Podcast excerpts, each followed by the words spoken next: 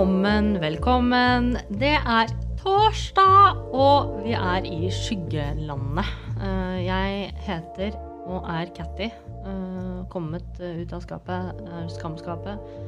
I dag så igjen Marte, min kjære, kjære Marte. Jeg skammer meg så fryktelig. Vi skal ha en ny skammelig episode.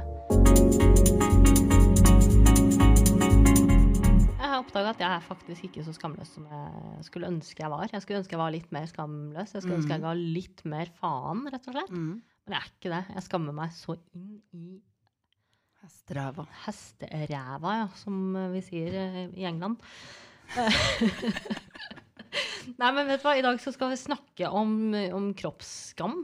Eh, og ja, vi, det finnes jo så mange steder hvor man snakker om kroppsskam, men vi, vi skal snakke om kroppsskam. Og vi, uh, jeg tror ikke vi kommer inn i det temaet her uten å dreie en liten tur gjennom seksualiteten.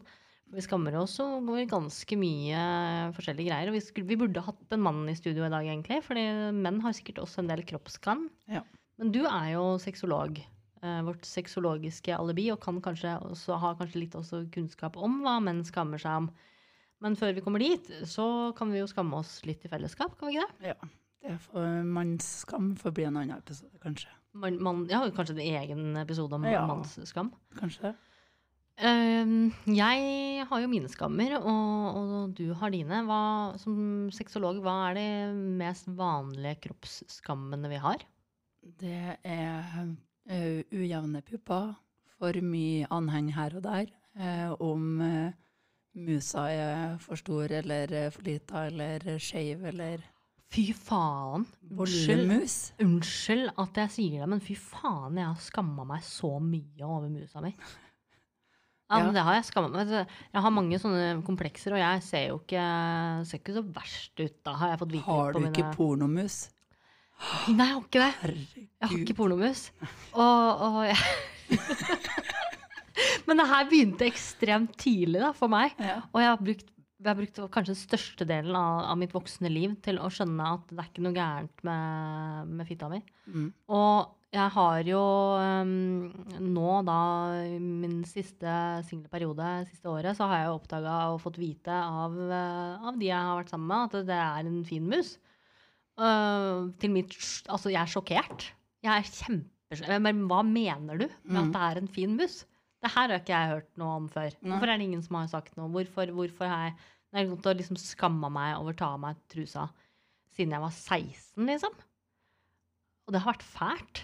Fordi, ehm, fordi det er jo Det ødelegger jo, seksual, det ødelegger jo seksualiteten min, for det første. Men jeg har jo liksom vært inne på tanken å operere sånn at eh, leppene blir mindre og liksom ehm, Du får liksom du hører liksom gutte, guttapraten på byen, ikke sant? Eller du kan overhøre det. Jeg har overhørt. Da bare ja, fy faen, det var ikke noe kult. Altså, tok av seg, så så det ut som roastbiff. Og det er, det er ikke noe Du kan bare le. Du kan bare le. jeg har jo roastbiffen sjøl, hvis du skal gå inn på den, eh, den banen der. Ja, men fy faen, så godt det er med roastbiff. jeg. Alle liker jo roastbiff. Ja, Nei, men, men hvor eh, Hva er det For det er liksom eh, Nå har vi skam over hvordan musa ser ut, men eh, hva er det vi kunne ha gjort med det her, da? Kan vi gjøre, kan vi gjøre noe med det? Liksom jeg, for jeg har skamma meg over det her siden jeg var 16. Fremsnakking. Fremsnakking. Ja, vi har jo, vi har jo Penisatlaset.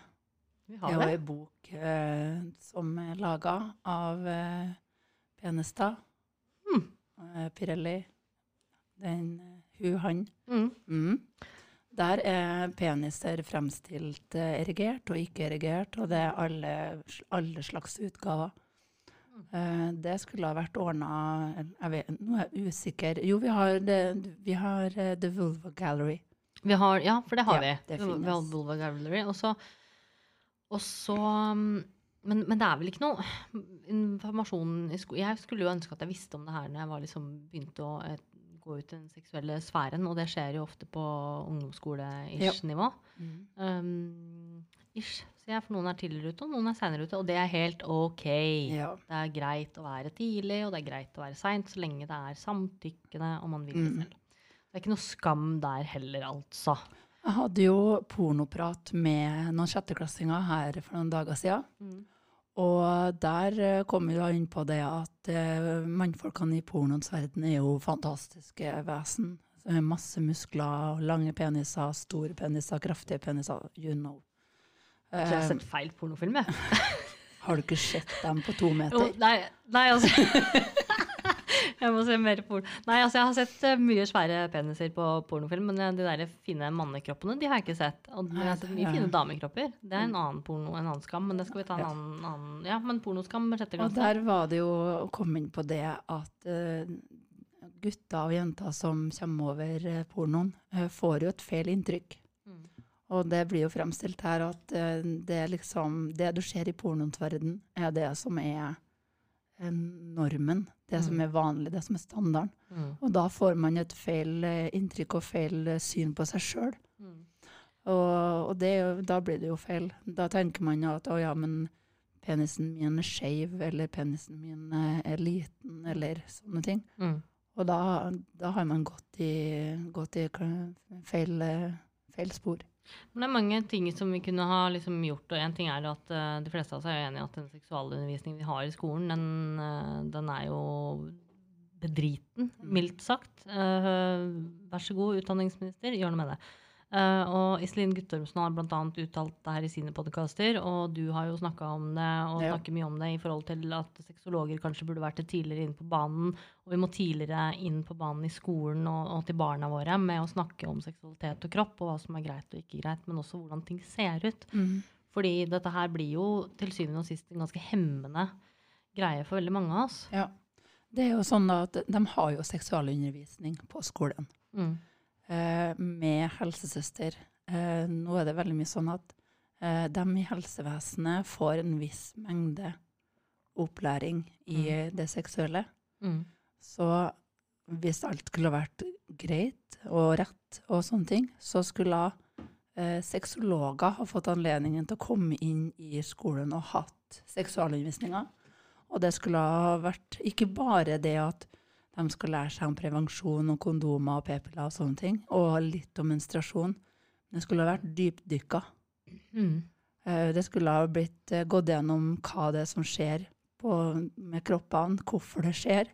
Eh, Gutter skulle ha fått opplæring i hva, hva som skjer med jenter. Jenter skulle ha fått opplæring i hva som skjer med gutter. Mm. Fordi da fjernes grensene på det som er flaut og tabu og sånne ting. Mm. Og så skulle man ha vært innom hvordan påvirkning pornoen har på barn og unge. Mm. Og alt det som blir påvirka av rundt omkring. Mm. Følelser, nettvett, grensesetting. Eh, Lista er kjempelang. Mm. Og det er sånne ting som um, helsesøstre og, og sykepleierfolk gjør en utrolig god jobb, mm, Mm. tro meg. Mm. Men sexologer har fordypa seg og spesialisert seg på det. Så la dem få ansvaret, eller ha et samarbeid med dem da, for å få et godt resultat. Ja, enig. Burde vi ha liksom satt sammen et lite utvalg med sexologer og helsepersonell, altså sykepleiere, hjelpepleiere og, og skolehelsesøster, for å lage et nytt pensum på dette her? Ja, jeg syns pensumet som er der nå, er for dårlig. Det er, det er for lite timer. Mm. Og så er det sånn med, og, og mange kan jo Det er jo et fa, eller noen ting som lærere kan velge å ikke snakke om. De kan velge det bort. Er det mulig? Ja. Hva, hæ? Det var, dette her er nytt for meg. Det er ikke noe som lærere må gå gjennom i skolen, så de kan velge bort å snakke om det med elevene. Så det er ikke en del av naturfagene lenger? Nei, ikke, du har vel, det har, ikke jeg studert de siste naturfagbøkene og sånne ting, men jeg vet lærere som har valgt bort å snakke om det med elevene, fordi de syns det er kleint, eller de Mm. syns de har for lite erfaring.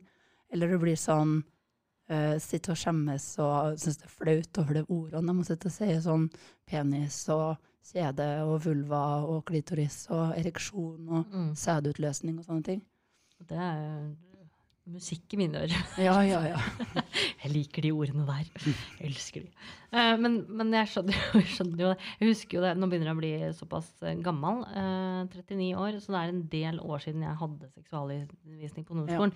Men det jeg husker av det, det var forsvinnende lite. Det var ekstremt pinlig, og læreren var så pinlig berørt at Ja. hele klassen ble litt sånn herre Shit, nå var læreren skamma seg så mye at vi bare tok på oss å skamme oss. Og det er jo den perioden også man lærer seg hva skammer vi oss over. Ikke ikke sant? Og at når det blir så kleint for læreren eh, Så læreren valgte å sette på en film som var sikkert fra 70-tallet.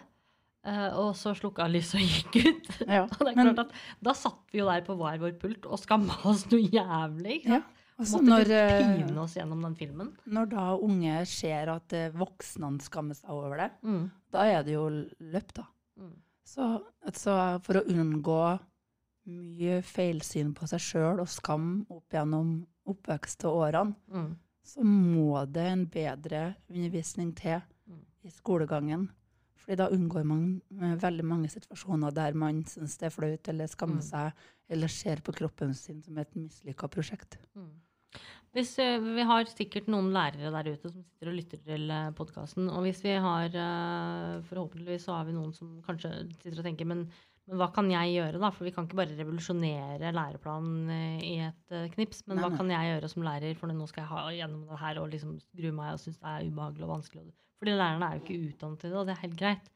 Men hva kan de gjøre? Kan man bare hente inn en sexolog? Sånn som jeg har holdt på i siste uka nå, så har jeg jo sendt ut eh, mail til veldig mange av barneskolene i Trondheim Mm. eh, for å tilby at jeg kan komme og snakke om tema som de ønsker om. Mm. Eller da komme og snakke sånn generelt om eh, seksualitet og undervisning i den biten der.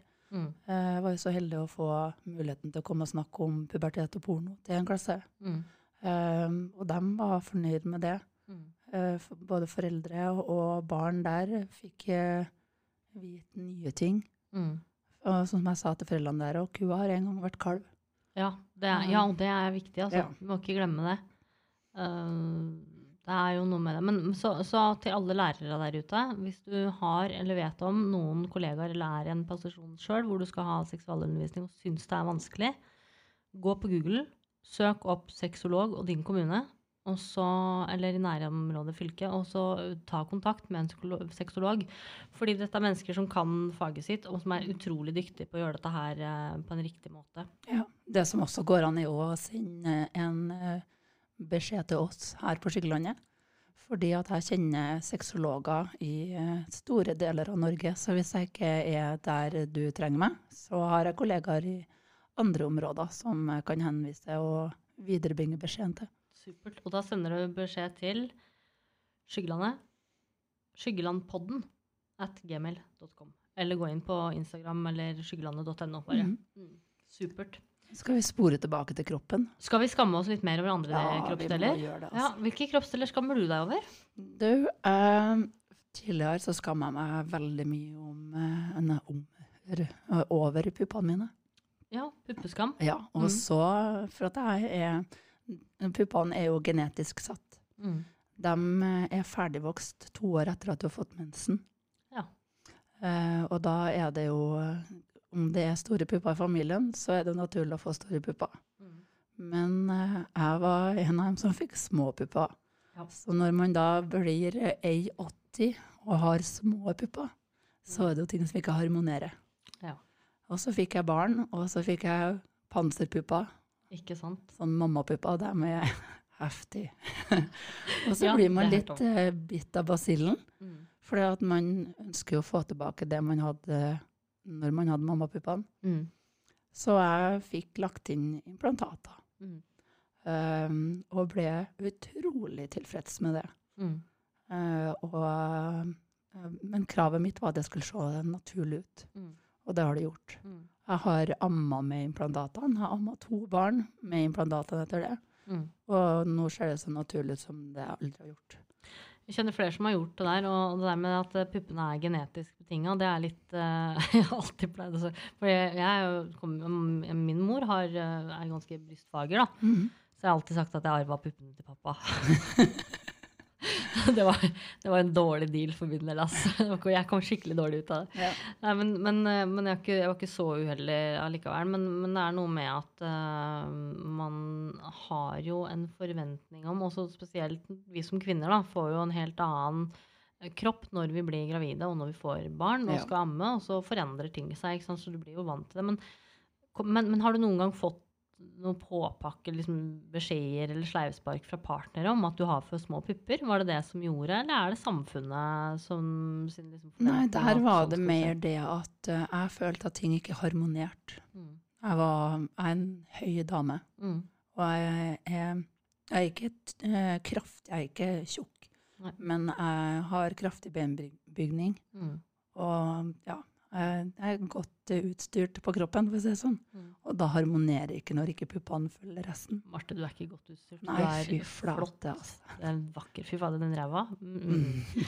La, la Neida, så, så for meg så var avgjørelsen det at jeg ville trives med meg sjøl. mm. Og um, dem som gjør det for å se awesome ut og for, for å være et bedre eh, blikkfang, Dem Ja, vær så god. Mm. Jeg gjorde det fordi at jeg ville at det skulle være harmoni. Jeg ville ha på meg en kjole og følte at eh, jeg fylte ut, og Mm.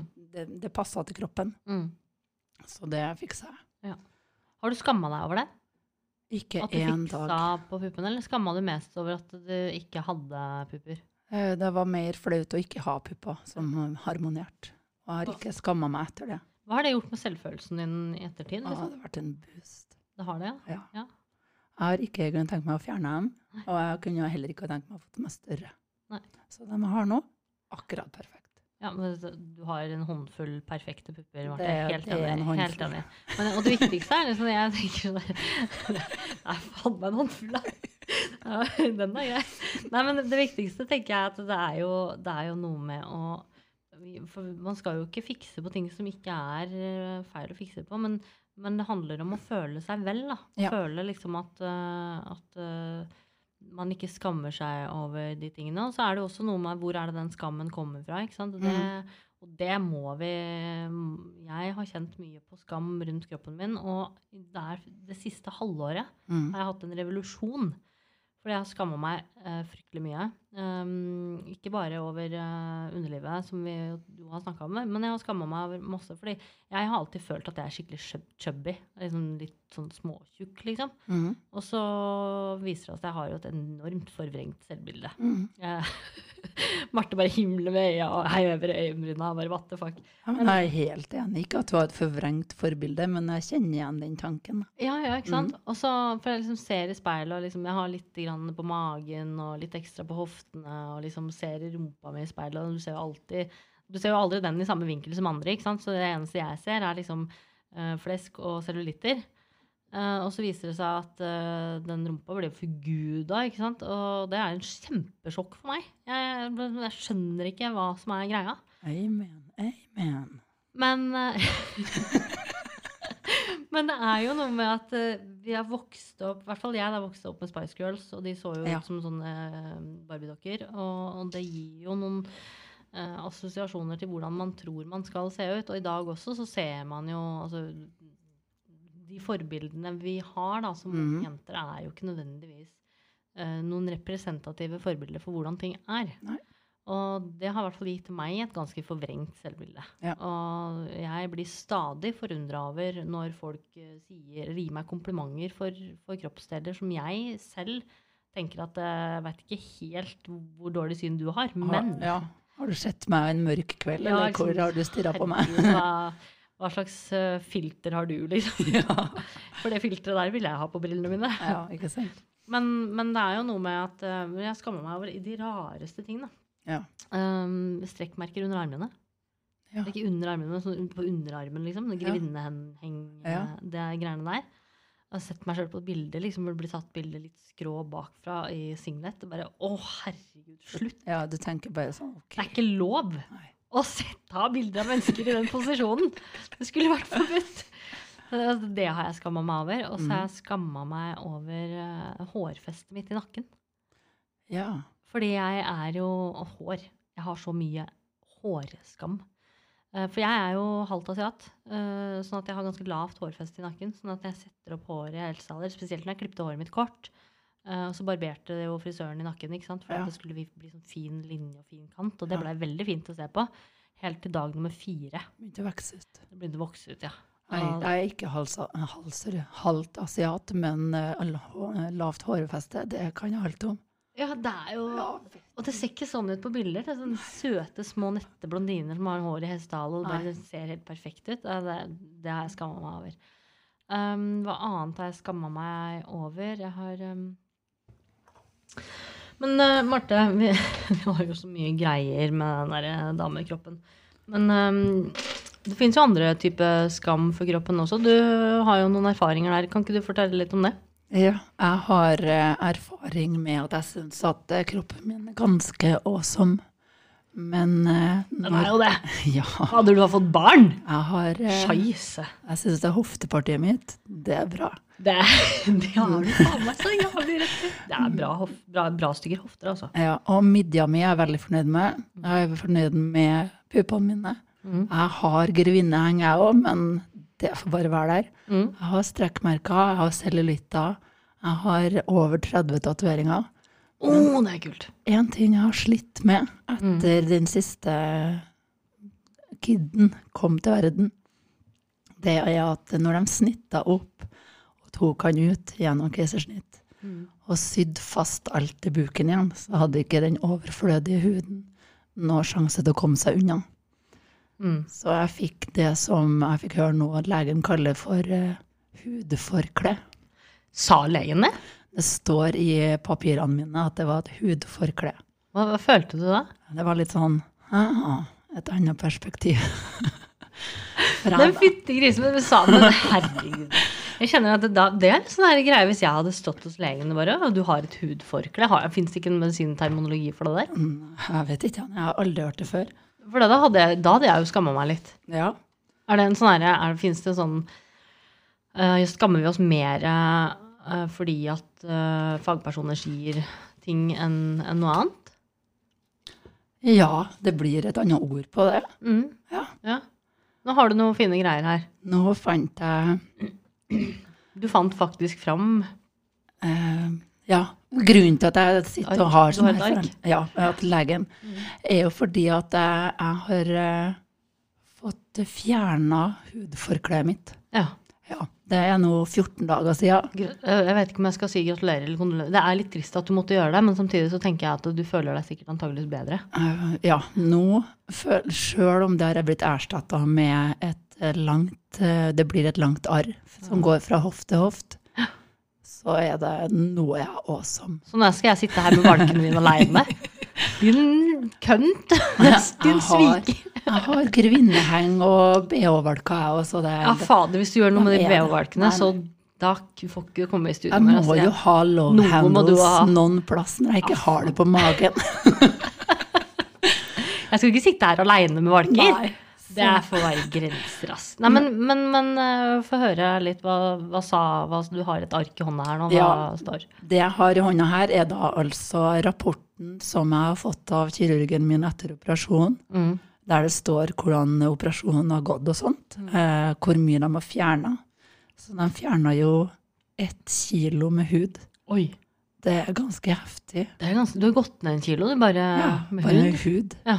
Det er mye Det er Ja. mye Altså, Et kilo er jo egentlig ikke så mye hvis du tenker over det, så er det to pakker med smør. Ja. Så det er Men, ikke sånn, eh, men det kommer litt an på hva det er, da. En kilo med dun er alltid mer enn en kilo med bly. Men ja. Ja. Mm. Og her i den, når jeg satt og leste den rapporten, så står det det da at eh, eh, det var et hudforkle som var fjerna. Mm. Men når jeg sitter og leser her eh, nå, så ser jeg at eh, de har fjerna en, en teltforma del av magen.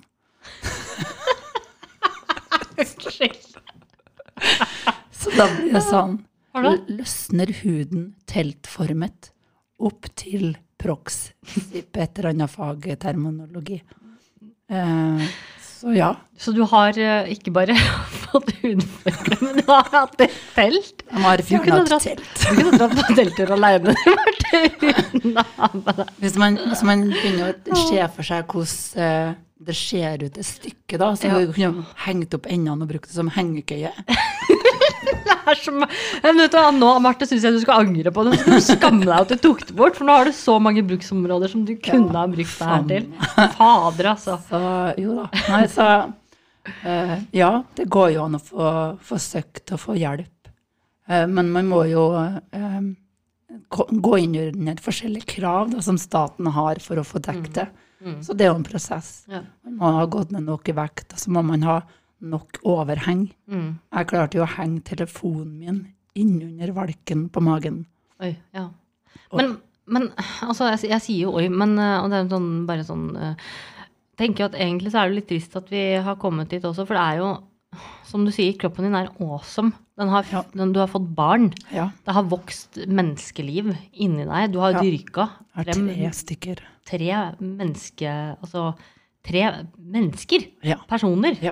Eh, og så resultatet av det her går jo ikke upåaktet hen. Det er jo ikke, jeg tenker at det er jo ikke naturlig at man skal se ut som man var 14 når du har Nei, gjort nei, noe nei. sånt. For det er jo en sinnssyk uh, greie hvis man tenker over hva du faktisk gjør, og hva kroppen faktisk gjør. Det er ganske heftig. Det er en heftig operasjon. Ja. Og så har jeg gått, uh, gått som ei gammel kjerring i over ei halv uke. Mm. Framoverbøyd og krokbøyd og sittet og sovet. Ja. Eh, men det må jeg si. Eh, jeg fikk, etter mine tre barn Mm. har vært inni meg, så hadde jeg veldig mye strekkmerker. Mm. Og så skulle jeg bytte plaster her forleden dag, og så ser jeg at jeg har fortsatt strekkmerkene mine. ja så Mange klart, av dem. Så jeg er ikke kvitt hele greia. Nei. Jeg har dem ennå. Ja, for strekkmerker forsvinner jo ikke så godt eller så lett. Nei. Eh, Det, det vil jo være der. Men jeg tenker jo at jeg er veldig glad for at vi har kommet dit teknologien. At vi kan liksom hjelpe folk med, med sånne type ting. For det er jo uh, sjenerende, så er det også litt synd at vi skammer oss over det. Fordi mm. du har jo ikke gjort noe gærent. Du har gjort en fantastisk jobb med å få Ja. barn. Og så er resultatet det at kroppen har endra seg, og til en sånn, vari altså, sånn variant at man, man skammer seg over det. Det syns jeg er litt kjipt. Ja. Men hva var det som gjorde at du følte skam over det her? Eh, det var mm, mitt sjølbilde eh, når eh, valken i svake moments ble blikkfanget. Eh, for til meg så var det bare hud. Ja. Og så eh, se for deg ha sex og stå på firefotene eller i doggy. Ja. Og så skal du tilfeldigvis se ned og ned bortover og ned mellom brystene, og så Mm. å få med deg spenninga som foregår i enden. og så henger det ei gardin foran deg som ser ut som ei task. Så, ned imellom brystene. Og det er bare sånn Da, da har det slått av det lyset. har, noen har tatt for gardina. Det er ikke, sånn. ikke se på filmen. Seriøst, skal jeg få lov å se på spenninga, eller skal jeg se på den taska som henger og dingler? Som ikke er taska mi? Noen har dratt for gardina, faktisk. ja. Altså, var det en annen ting jeg jubla for òg, når, eh, når jeg etter operasjonen kunne stå litt mer oppreist, rett opp i ryggen. Mm. Og så står jeg i dusjen, og så kikker jeg ned, og så bare Wow! Jeg ser fitta mi. Shit. Herregud, det er bra. Du, det er noe jeg trodde Jeg trodde det var bare gutta som hadde den der. Nei. Ah, Når du ikke har sett fitta di når du har stått oppreist på gud vet hvor mange år, så jeg var sikkert 18-19 sist Ja. gang jeg så hun, uten Ja. at jeg måtte flytte på magen. Da Da er det sånn. hyggelig gjensyn. Wow. Halla. Hello, baby. Hello down below. Så nå blir det en sånn eh, egentiden. Den blir, blir sånn- mye finere nå. Den Jeg blir sånn opptatt av nå. Du kommer ikke til å komme i studio, du, må på Ja, lange bare tider. stå og studere. jeg slipper å bruke speil for å finne frem. Ja, Ja. Så nå, da blir det dessverre en opphold i podkastserien vår, fordi Marte blir opptatt. Så da må jeg skal finne andre gjester en Ja, stund. finne Ja, men andre, Marte. Marte, jeg unner deg, jeg unner deg gjensyn med fitta di. Altså, jeg Ja, gjør det. Jeg syns jeg er helt uh, awesome. Uh, men så syns jeg også at du skal ha kudos, for du har fått barn, og du har stått i det, og du har hatt uh, det som følger med å få barn. Jeg tror det er viktig at alle sammen der ute veit jeg at både vi som ikke har fått barn, og som eh, ikke har fått de utfordringene med kroppene våre, vi forstår også det at det skjer ting med kroppen. Ja. Og jeg tror vi damer spesielt da skal være litt mer, litt mer rause med hverandre og litt mer hyggelige med hverandre og, og rose hverandre for de tingene som, som gjør at, uh, at kroppen ikke ser perfekt ut. Fordi de gjør ikke det, og de gjør ikke det til meg heller. Og så syns jeg det er litt viktig å, som sexolog å snakke om det at eh, etter at du har født, så Mm. vil ikke kroppen gå tilbake til å bli 100% sånn som den var før. Nei. Det er det veldig mange damer som tror. Mm. I hvert fall førstegangsfødere. Og så er vi jo genetisk laga forskjellig, så noen er uh, annerledes lagd der enn andre. Og det, det må vi bare ta hensyn til og være litt rause på. Altså. Uh, og jeg tror det at uh, I hvert fall jeg prøver å ta meg sjøl i det. At jeg har venninner, altså Nesten alle mine venninner har fått barn. Ja. Og tenker at det er utrolig hva kroppen deres har liksom stått i. Så jeg prøver å gi dem kudos, altså. Ja, Ikke bare det, men så er det alt det som du skal gjennom etterpå. Da. Det er ikke Ja. mye nattesøvn og skjønnhetssøvn, og du, det kan du bare drite i en stund. Ja, og så tenker jeg på keisersnitt, hvor stor belastning det er for kroppen. Mm. Og da skal du egentlig ikke bære noe tungt. Nei. Men allikevel så må du bære på babyen din etterpå. Det er ikke sånn du må, men Mm. du skal jo ta deg av barnet ditt. Mm. Og, og du har vært åpna rett inn i aller helligste, Mm. og sydd igjen igjen. Mm. Og så skal du fungere optimalt. Og det er jo noe annet som skjer med kroppen når du har tatt keisersnitt, enn når du har eh, født normalt. Ja. Så det, det er to forskjellige ting. Men hvordan går det med deg nå, som du har eh, gjort dette? For det er, det ikke så lenge siden du gjorde dette her. Nei, 14 dager siden. ehm, nå er jeg jo stemmeløs, nærmest. Marte har ikke vært på fylla, Nei, men Det har jeg ikke. Uh, men det, operasjonen Nei, ikke noe operasjonsrelatert. Um, jeg har en kropp som fungerer ganske greit, tydeligvis. Det er gode groforhold. Mm. Når jeg skulle fjerne drenene, altså Mm. dem som tar unna sårvæske og sånt, uh, som var fem dager etter operasjonen, Mm. så hadde ene drenet grodd seg fast litt. Såpass, ja. Ja, Ja. Så de måtte røske litt. Så det her kommer til å gå bra, det. Det går veldig bra. Nå kjennes det ut som at jeg har vært på en litt heftig treningsøkt med magen. Mm. Men, eh, og derfor må jeg bremse meg sjøl og fortelle meg sjøl at hallo, du har operert. Ta det litt med ro. Chill. Ja, legg deg på sofaen og vær litt lat i noen dager til. Ja. Så blir det greit. ja, det er en annen skam. Latskap. Latskap, ja. Men det skal vi ta en eh, annen, Ja. en annen senere anledning. Vi har noen sånne kropps... Uh, I dag handler det jo om kroppen vår og kroppsskam. Hva annet er det vi kan, uh, kan skamme oss over? Hva, hva annet er det vi helst ikke skal skamme oss over? Jeg syns ikke det at vi damer skal skamme oss over å slippe luft. Ja, det skammer jeg meg Vi skal få rap, og vi skal få fis, og herregud. Det har vært en sånn greie når du kommer i en parrelasjon, og så er det sånn Sitter og er på date, og så sitter du og heller inn og heller inn, og ikke skal slippe noe luft, og ikke fise, og ikke rap og sånn. Skal være så fisefin frøken. Det er en av de grunnene til at jeg ikke dater i det hele tatt. For det, jeg synes det er helt, altså For det første så syns jeg dating er kleint, og det er jo én ting. Men så er det noe med at det liksom, du endelig kommer hjem etter timer på en restaurant eller sammen med et eller annet. det det første du gjør når du kommer på do, da. Å gud, du har jo sånt i magen. Ja, for du er jo så nervøs òg, ikke sant. Ja. Så du, du, kroppen gjør jo sånn her mange rare ting. ikke sant? Så det første du gjør, er jo liksom bare åh, slipper den fisen.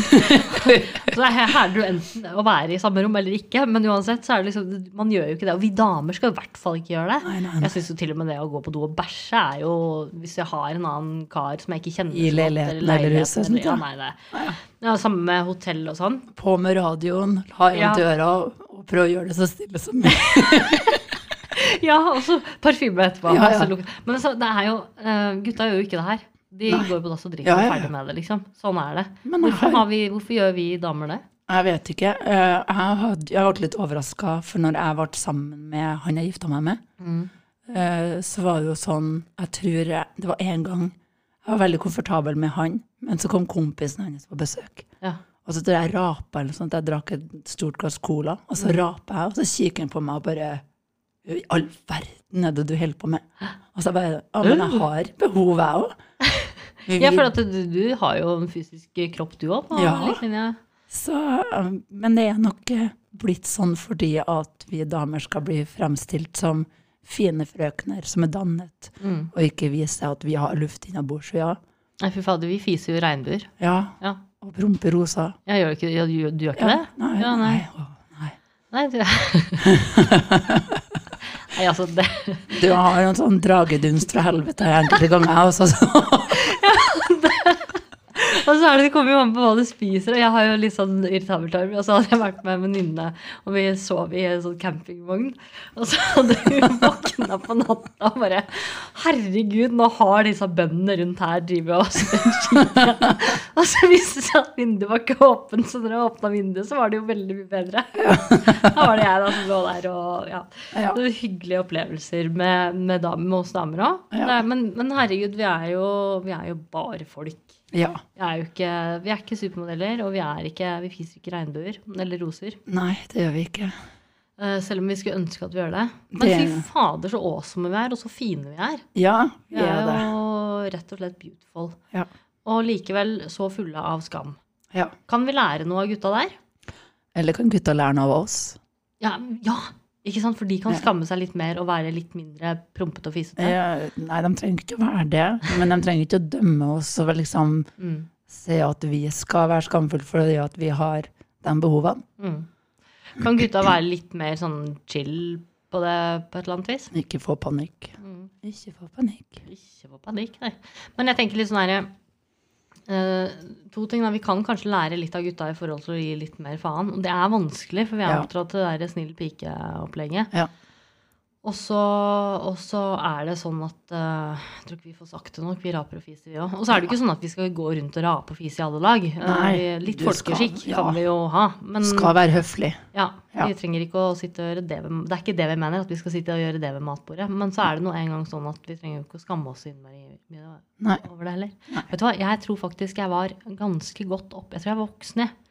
Uh, før jeg Jeg turte ikke å gå på do og bæsje på barneskolen og ungdomsskolen. Nei. Jeg syns det var så pinlig. Det har jeg hørt om. Skikkelig sånn Jeg var godt voksen. Jeg tror faktisk jeg var på universitetet jeg, Ja. før, jeg, før jeg liksom landa den der. Men det har jeg hørt mange ganger ja, historier om barn som har blitt forstoppa fordi at de velger å ikke gå på do og bæsje er Mm. på skolen. Det var sånn her, det ble til slutt en rutine. da. Kom Ja. liksom hjem, og det første Jeg klarte jo ikke å henge opp jakka engang. Bare slenge fra seg jakka og sekk og bare løpe rett på do. Ja. For da har jeg liksom uh, måtte snu om kroppen min, liksom. Så, men nå går det bra. Alle det sammen. Det går fint med meg. Jeg bæsjer når jeg trenger å bæsje. Så Så bra. det er bra. Uh, det var en sånn uh, litt om kroppen vår og kroppsskam og jente-dameskam. Ja. Er det noe mer vi skammer oss over? Det popper ikke opp akkurat nå, men kanskje Ja, jeg vet ikke. Nei. Nesehår kjenner jeg at jeg skammer meg litt over. Jeg har en sånn greie for føttene mine. Ja, dameføtter er nydelig, syns jeg. Ah, Manneføtter Nei, men jeg, det er jeg har ikke sånn føtter generelt. ja, generelt, ja. Men Ja. Det tror jeg er en sånn der, sånn preferansegreie. Tror du ikke det? Jo, kan godt være. Ja. Jeg tror jeg skada etter å ha holdt på med svømming i så mange år, og at føttene til treneren min rett foran. Får liksom sånne miljøskader. Jeg har en sånn greie for hender. Jeg er veldig opptatt av fine mannehender. Så det er noe av det første jeg ser på Ja. hos en mann, det er faktisk hender. Ja. Det er liksom, Man kan være så kjekk han bare vil, men hvis ikke jeg har fine hender etter min standard, da, så, så nei, det, det blir ikke noe. Sorry, Mac, men der, der går grensa. Men siden du var innom nesehår, Ja. eh, tenker du veldig over det? På meg sjøl, ja. Ja. Ja, jeg gjør det. Og så er jeg jo fordi at jeg er, eh, jeg er jo mørk. Ja. ikke sant? og har eh, et halvt, eh, jeg er halvt asiatisk. Asiatere har jo ikke mye hår. de har jo ikke det. Men, men jeg er litt plaga med det, syns jeg sjøl. Og så blir det nok kanskje litt mer fremtredende etter hvert som man blir eldre. Ja. Fordi nesa vokser jo, og kjenner liksom innimellom så kjenner jeg liksom rynker litt på nesa. Så bare, «Å, nå har jeg en sånn nesehår, må liksom klippe. Ah, ja. Syns jeg er pinlig, da. Og så er det sånn, ok, skal jeg, skal jeg dra og kjøpe nesehårstrimmer, eller er det bare jeg som ser det, eller er det bare noe jeg tenker på, eller jeg vet Ja. jo ikke. Men det er jo sånne ting som dukker opp i hodet, da, som du går liksom og passer på, liksom, må jeg gå og dytte inn et nesehår nå, eller hva? Ja. Bare gå i speilet og se, liksom, men det er jo ikke noe. Jeg følger med nesa mi, jeg òg, men jeg bruker det til å stryke med fingeren under neseboret for å kjenne Sjekke. om jeg har et hår som stikker ut for kanten. For så, for så lenge det holder seg inni nesa, Så er det greit. så kan det være det. Men hvis det begynner å stikke ut for kanten, sånn, Nei, det går ikke. da, da, da ryker det, altså. Jeg har jo sett de der voks, Å, nesevoks-greiene. herregud. Men jeg har jo også de der dårlige hvor dette her ikke gikk bra. Så jeg har det er ikke- q-tips. Jeg har ikke sjans. Det skal ikke noen vokspinne oppi nesa mi. Jeg, har, har BDSM for sånne typer smerter. Ja. Hvis jeg, hvis jeg vil ha vondt, så vil jeg heller gjøre det på en deilig måte. Da gjør vi på den rette måten. ja, på den Helt rette, enig med deg. Det der, en sånn hårfjerningssmerter, det, er- det er noe helt annet enn Ja. en rapp over baken eller noen sånne ting. Altså. Ja, ja. Ah, det er ikke sammenlignbart. Det er så vondt. Fytti grisen. Sånn eh, epil eh, epilering. Ja. Ja. Jeg, gjør eh, det. Og første gangen så trodde jeg faktisk at jeg skulle dø. dø. Men det er utrolig hva vi damer gjør for å unngå skam. Ja, hører dere det nå, gutta? Jeg vil anbefale alle gutter å ta en pinsett og prøve å nappe et hår fra leggen. Eller, Eller- armen. Klippe håret kort i armhula og prøv epileringsmaskin der. Ja, fy fader, det skjer Det sånn- ikke. Ja, Jeg prøve liker livet mitt, jeg. Men, men det er utrolig hva vi gjør når vi skammer oss, da. Fordi det her er jo sånn eh, Det, er, det fins jo helt sinnssykt hav av produkter for damer. Både fra Ja. hårfjerning, og det er eh, cellulitt, uh, og ene og det andre. Og det her handler jo rett og slett om å unngå skam. Ja. Så den følelsen med kroppsskam er jo egentlig ganske graverende, da, for den får oss jo til å gjøre en god del greier Ja. som både koster helt horvelig mye penger, og som, eh, som er ekstremt smertefullt. Det er litt artig å tenke på at vi skal ikke ha hår noen andre steder på kroppen enn vippene, brynene og håret, topplokket. Og hvis vi ikke har nok hår på vippene og topplokket, så setter vi gjerne på litt ekstra. Ja, ikke det rart? Ja, Men gutta kan ha, de kan bare beholde ja, ja. ja, ja, ja. Men, men eh, nei, vet du, denne episoden om kroppsskam den skulle jeg gjerne likt å hatt med en mann nå. Da, fordi, eh, Ja. fordi vi har jo altså, Vi kan jo fortsette i det uendelige. Mm. Um, og det, det kan vi nesten ikke. Vi må begynne å runde av. eh, sånn at lytterne våre får gjøre andre ting enn å høre på at vi skammer oss over det ene og det andre. Men, uh, men vi har jo et ganske stort Det er jo ganske mye dette her favner om. da. Ja. Så mm, det er eh, på tide at vi kanskje skammer oss litt mindre. Ja. Og så bruke heller skam til å gjøre fornuftige ting med, hvis det Ja. går. Og med det så tenker jeg at hvis dere har noe som dere skammer dere over, så vil vi gjerne høre om det. Ja. Og vi vil høre om det på alle sosiale medier, Alle kanaler. alle kanaler. Vi er uh, mottagelig for all type skam. Det er vi. Vi er ikke skamløse. Nei. Vi skulle ønske vi var det, men vi, vi vil gjerne ha inn mer skam, vi.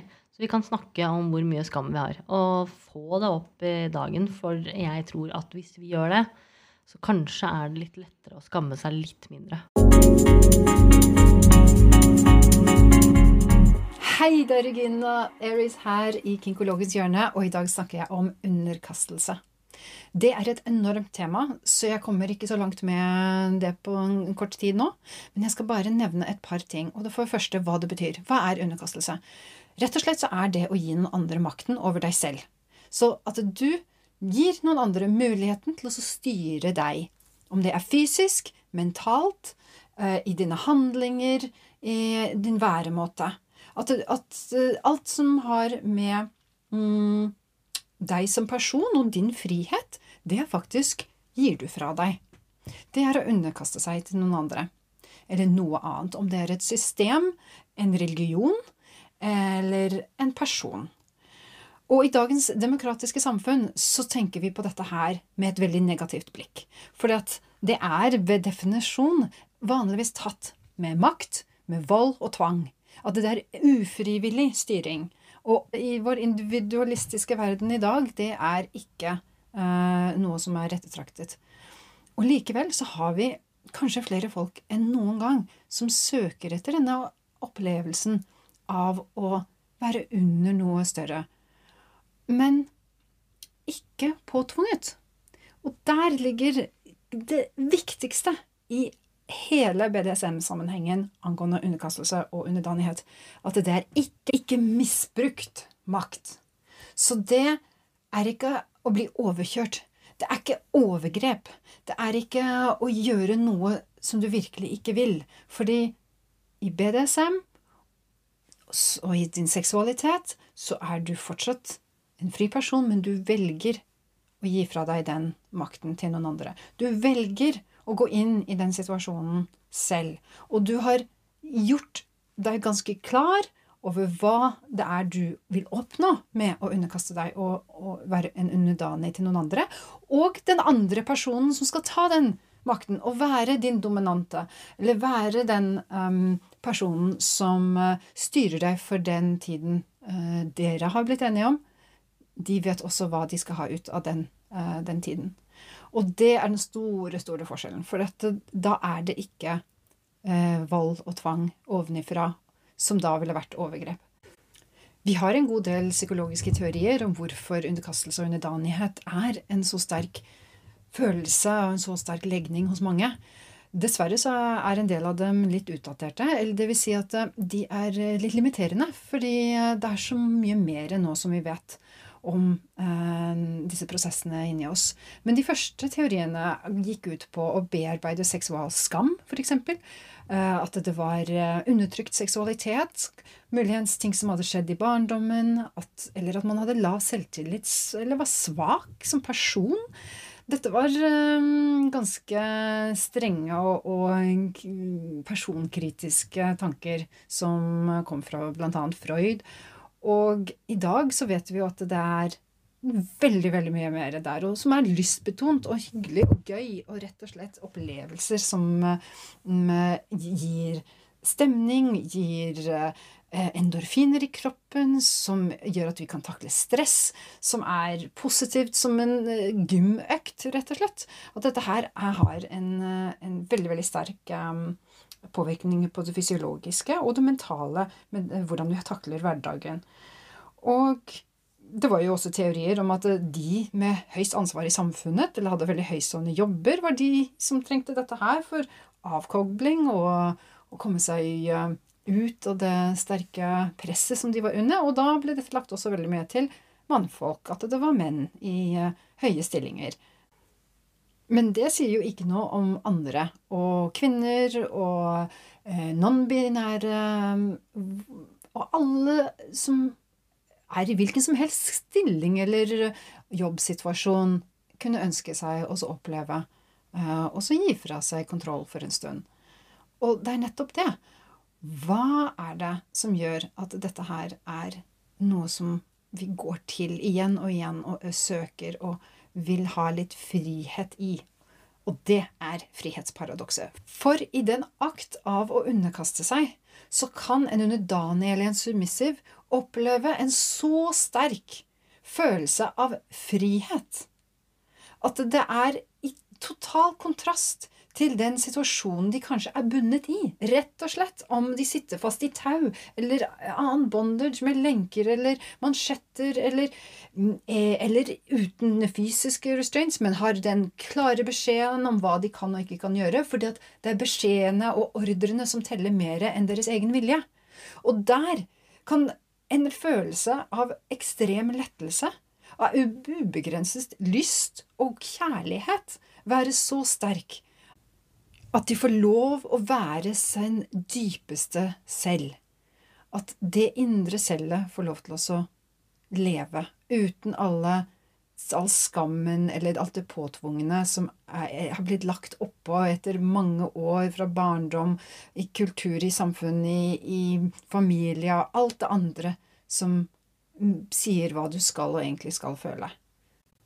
Og der ligger paradokset om frihet. Friheten i overgivelse.